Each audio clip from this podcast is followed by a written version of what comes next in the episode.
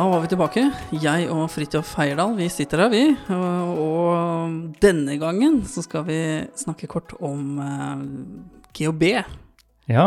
Et, uh, det er noe som skøyt i været for noen år siden i forhold til uh, privatbruk. Ja, for ganske mange år siden. Det har vært rundt omkring en god stund. Ja.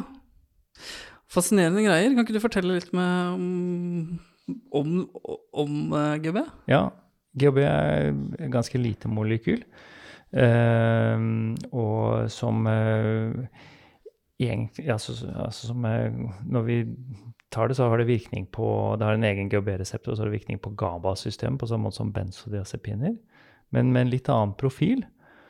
Og så forsvinner det rett inn i Krebs syklus, for de som husker den fra metabolismeforelesningen. Sånn at det blir bare ja, hva skal jeg si, spist opp av kroppen og forsvinner. Og blir til CO2 og vann. Eh, og så har det en forløper som heter GBL, som også er relevant. Som omdannes til GHB da i kroppen. Eh, og så er det sånn at uh, det ble Hva var det de fant ut? Det kom i medisinsk behandling på 60-tallet, var det ikke det du googla fram til? Jo, meg fram til ja. 60-tallet, ja. ja så, og det ble vel syntetisert litt før det. Og, og, så har det hatt masse forskjellig bruk, da. Det har vært brukt uh, litt for uh, å indusere søvn. som det var brukt litt som narkosemiddel. Eh, nå brukes det for å behandle narkolepsi eh, fordi det induserer rem-søvn. Eh, for å Ja, så, eh, sånn at så man, Det brukes fortsatt. Men så har det jo Og så er det brukt i, i krig. Ikke sant? At man må få sove hvis man har vært høy på amfetamin eller kokain. ikke sant? Og så må man liksom hente seg ned og få hvilt. og sånn, Så det har liksom vært spekulert da, på å bruke det sånn som en stridsdrøgg. Og så er det et misbrukspreparat, eller misbruksstoff, da. Eh, og som både har vært brukt eh, Det brukes jo mest selvfølgelig for en selv, da, at man drikker det. Det er en sånn blank væske. Men det har også dessverre da eh, egnet seg anførselstegn da, som en sånt date rape-drug. Uh, mm. Sånn at, fordi det, det har, det har, ikke så mye smak i seg selv, så hvis det er på en måte godt lagd, og du ikke har mye sånn kjemikaliesmak fra prosessen, så er det ikke så veldig distinkt smak. Eh, I hvert fall lett å kamuflere, og det er veldig lite som skal til. sånn at det å ha det i drinken har jo liksom vært eh, episode på det, da. Mm. Og vi kjenner det jo som et um, først og fremst et rusmiddel, da. Ja. ja. Um, og um, når du sier at det, disse her eh, det, altså det brukes for narkolepsi at, og at folk skal uh, I krigen, så folk skal få sove, mm. så blir jeg litt undrende. For de som jeg har sett på GHB, mm. de har, ser ikke ut som dem vil sove. Eller de sovner jo selvfølgelig etter hvert, men uh, Nei, og der er det jo forskjell på bruk og misbruk, og sånn som det alltid er, da. Med, og, og, virkningen er jo eh, litt avhengig av dose, og, og, også tror jeg hva man eh, Altså i hvilken setting det brukes. da, sånn at Det er jo en sånn feel good-drug og, som, som, også delvis kan gi økt aktivitet.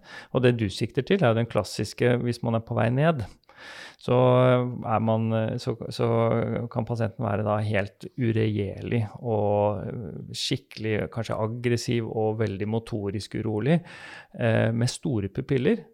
Og så, eh, hvis de da ikke får stimulering, så kan de forsvinne helt ned i noe som er liksom det dypeste komaet, med bitte små pupiller. Og så tar man i dem, og så skvetter det opp igjen. ikke sant? Altså den alternerende aktive og søvnige helt til dette liksom pingponger da opp og ned og opp og ned, og så til det liksom man gruser helt da i Glasgow Coma Scale 3 og fullstendig komatøs. da, og, det, og de som har sett GHB-intoxer, vet at uh, det er liksom ingen som er så komatøse som en GHB-intox.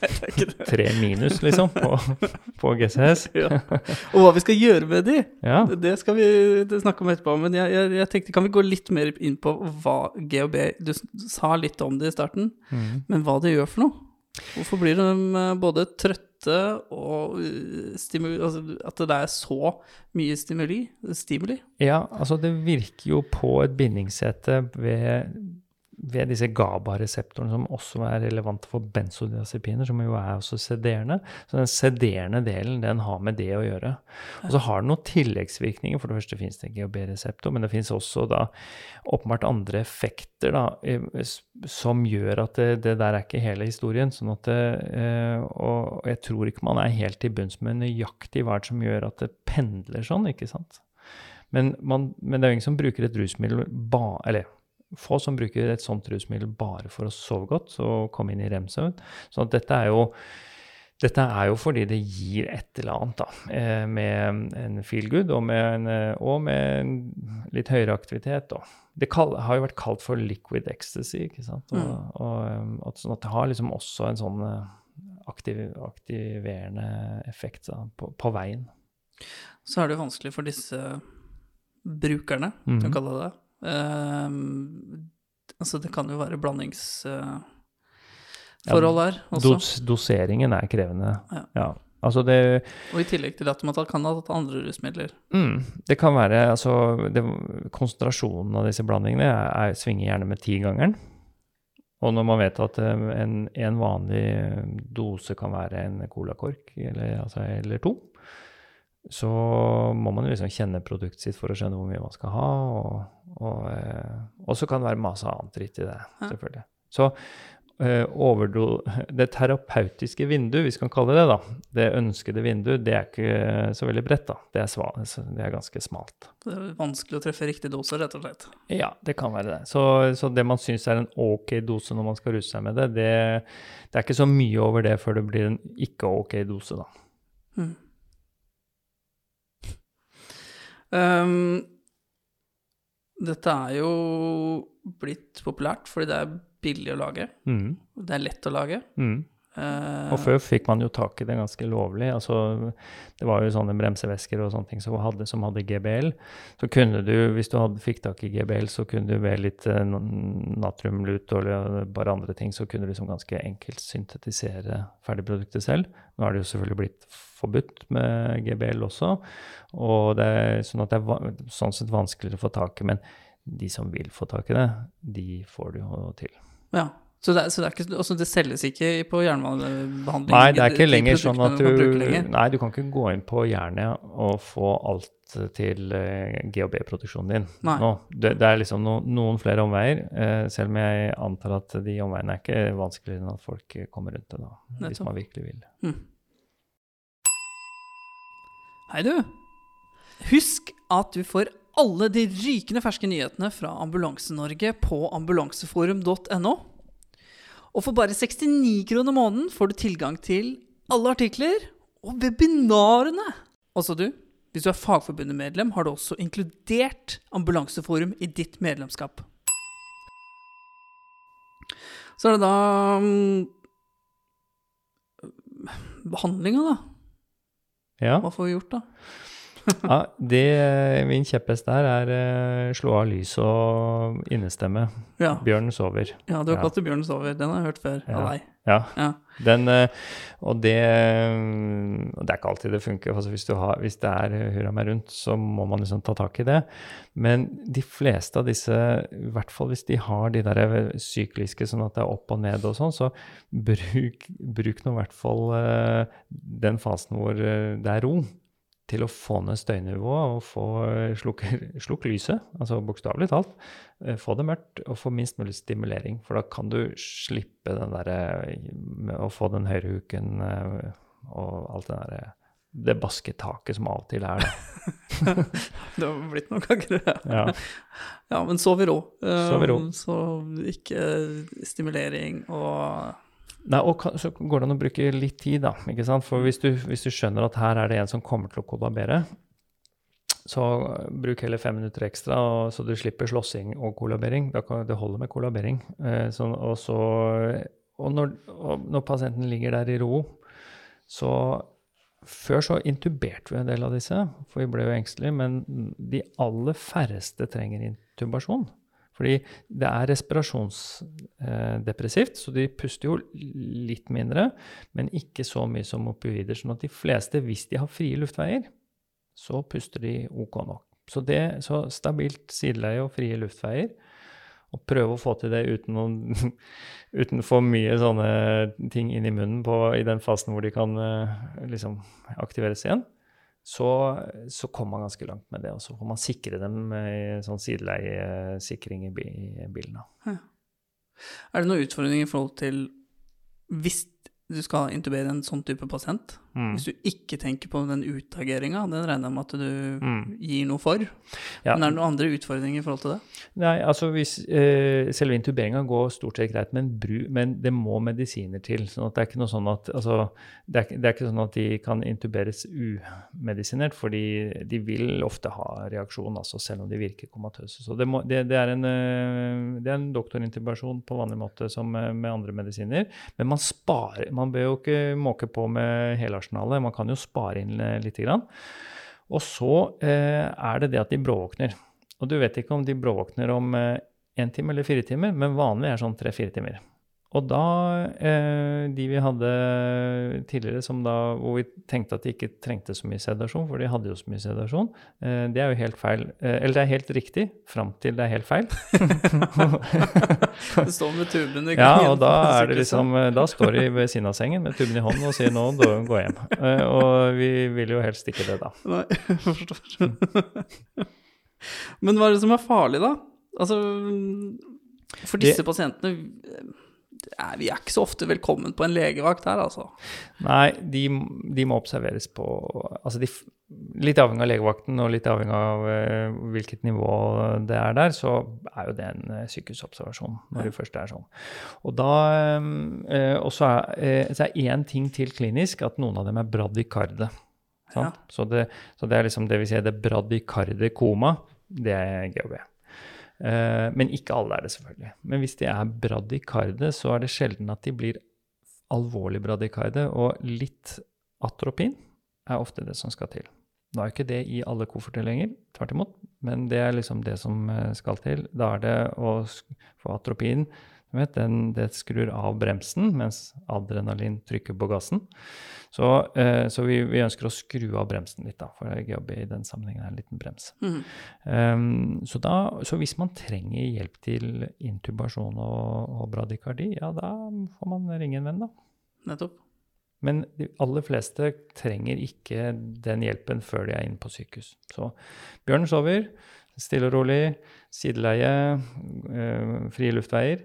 Øh, lirke inn forsiktig til mottaket, og be mottaket også eh, skru av eh, utestemmen. Og så observere folk, og så våkner de i fred og ro. Det er mye bedre enn eh, Så, så her er det litt, litt sånn jo, jo, mindre, jo bedre ofte, da. Mm. Uh, har jo hørt og sett, eller ikke sett, det er det jeg ikke har sett, altså i forhold til respirasjonsdepresjon har jeg hørt at de kan få. Ja, det kan Jeg har ikke sett det selv. Jeg kan tørre å påstå at jeg har hatt noen eh, GHB-overdoser. Mm. Um, men jeg har aldri sett noe depresjon. Kjennetegn er jo at de puster alltid veldig, veldig tungt når mm. de er i dypet. Mm. Ja, og det, og det, er derfor jeg sier at stort sett så går det bra uten den intuberinga som vi var litt ivrigere på tidligere. Eh, men jeg tror at eh, det å få dem i et leie som, de, som både er eh, som de aksepterer å ligge i, og hvor den pusten, da, selv om den er litt dyp og langsom, at det er tilstrekkelig, det er viktig. da. Mm. Um, og så er det selvfølgelig ingen regel uten unntak. Av og til så må, må, man ta en tube ned. Og i påvente av den så en vanlig støtteventilering med maskebag er helt uh, supert. Mm. Og, de, og, så er det jo sånn at hvis de stopper å puste, så tåler de en svelgtube. Ikke sant? Da er det jo sånn. Og så kan vi kanskje si to år om hva hvis det, vi er den andre enden av skallen. da. Eh, at er helt, de er uregjerlige. Mm. Ja. Da må man jo Da er vi over liksom i i sedasjonsbransjen. Og da skal du sedere noe som i utgangspunktet er sedativt, men bare ikke akkurat nå. så da For det jeg pleier, å gjøre, er å la dem løpe, og så stå og se på, og så detter de om. ja, og da må man jo prøve å være der når de detter om, ikke ja. sant? så man må følge dem litt. Men hvis ikke det lykkes, da, og særlig ved, ved en blanding, kanskje, de har, kanskje det er GHB i kombo med noe sentralstimulerende som amfetamin eller kokain, eller sånn, da kan det være at man må sedere. Og førstevalget er benzodiazepiner. Mm. Det er liksom det tryggeste og greieste. Så hvis man får lirket inn det, og det er klart at disse pasientene Det er ikke der du får den rektale stesoliden eh, enkelt inn. Så, så her blir det jo å prøve å få inn en nål. Ja. Eh, men hvis man eh, eh, Det er mulig å sette benzo sub, eh, altså enten intramuskulært eller subkutant også. Da er det jo det er faktisk midazolam bedre enn diazepam, for diazepam har den, der, er jo den hvite, litt sånn fettløsningen som egner seg litt dårligere. enn i nøden så må man improvisere. Ja. Mm. Men da er det også bare å vente, altså sette diazepam, eller midazolam eh, intramuskulært. Ja, det tar jo litt, litt, litt tid da, før det funker. Så det er ofte det som er uh, problemet. Eh, når, hvis vi kommer fra, med, med doktorvæsken, så vil vi jo hvis, hvis, hvis man ikke har en veneflon, eller man ikke får til det, eller altså alt er eh, håpløst, så hender det at vi bruker ketamin. Ja, for det var mitt neste spørsmål. Mm. Ja. Så, disse, og, så er det en agerende eh, pasient som vi ikke klarer å håndtere og få inn en veneflon på ganske enkelt, da trekker jeg opp ketamin, og så setter jeg en passe dose intramuskulært. Og da tar det liksom et eh, ja, halvt, ett, ett og et halvt, to minutter, litt avhengig av dosen. Og så seinere altså, så, så blir høyrehooken litt langsommere, og så, og så får man liksom kontroll via det. da. Og, men da må man jo virkelig stå der. Men da også har jeg et spørsmål. Um, altså um, Flere ganger sett det er blitt gitt uh, ketamin på traumestue Mm. eh, til pasienter som har vært eh, amfetamo- amf- amfetaminpåvirka. Mm. Og det har jo gått skikkelig gærent. Da blir de gærne. Men det er en dosespørsmål. Det er dosespørsmål, rett og slett. Ja. Ja. Mm. Mm. Så, det, det, så hvis du setter en sånn uh, bitte liten smertelindredose, så kan det jo, så er det som du sier, da kan jo den ak aktiveringen eller den forvirringen eller hva skal jeg si, den kan liksom addere seg oppå en eh, amfetaminrus. Men eh, hvis vi setter en skikkelig dose, altså, eh, og, og med det snakker jeg at du må i hvert fall ha 100 milligram, kanskje 200, så, og oppover, så eh, vinner jo vi, da. Ja. Nettopp. Men tilbake til GUB. Det er veldig sjelden vi trenger det. Ja. sant? Altså, vi, disse roer seg ned med, med ro, og så ordner det seg på, på, på det viset. Jeg Har også god erfaring med det, at det er eh, sjelden man har trengt, trong, altså, trengt hjelp, både medisinsk, eh, og at du ikke har kommet i mål med Mm. å roe ned. Men hvis jeg kan få si en ting til om GHB, det er de som misbruker det veldig mye, altså som, har, som uh, bruker GHB hele tiden, altså som er GHB-avhengig, som ikke bare bruker det på en fest en gang i uka, de eh, får altså, Der er avhengigheten helt massiv. Og, de, og halv, halveringstiden og varigheten av GHB den er såpass kort at da må man jo ta en slurk titt og stadig. Det vil si at hvis de ikke får det, så har de noen eh, abstinenser som er helt forferdelige. Ja. Og abstinensbehandling av GHB, da skal det ringe en bjelle. Det er vanskelig stuff. Da må man eh, ringe en venn. Da kan man godt ringe oss på, i- og snakke med bakvakt på giftinformasjon, men, men hvis man står ute med de, så, skal de, altså så er det man har å spille på ute, det er benzodiazepiner. Liksom, gi dem sånn at de slapper av. Og så har vi jo andre medisiner som vi adderer det med i, inne på sykehus. Men det er en avrusning fra GHB. Det er en vanskelig sport. og Som Ok. krever litt, eh, eh, ja, litt ekstra innsats. Og tar litt tid. Er det uh, pasienter vi kan se og som er satt på behandling eh, avrusning av GHB, som vi kan komme hjem til, eh, og være noe doseproblematikk i forhold til det og sånt noe, eller er det Ja, eh, det er Hvis de først er avrusa og avvent, så er det på en måte greit. Det er jo gjerne i den fasen hvor de blir GHB-abstinente, som- hvor de har forferdelige abstinenser, og som er vanskelig å behandle. Men det praktiske rådet der er, er å være raus med benzodiazepinen, så du får det med inn til sykehus. Og, de, og, og det Hva mener du med raus? Nei, til effekt, som det heter. Ja. Mm. Til ro.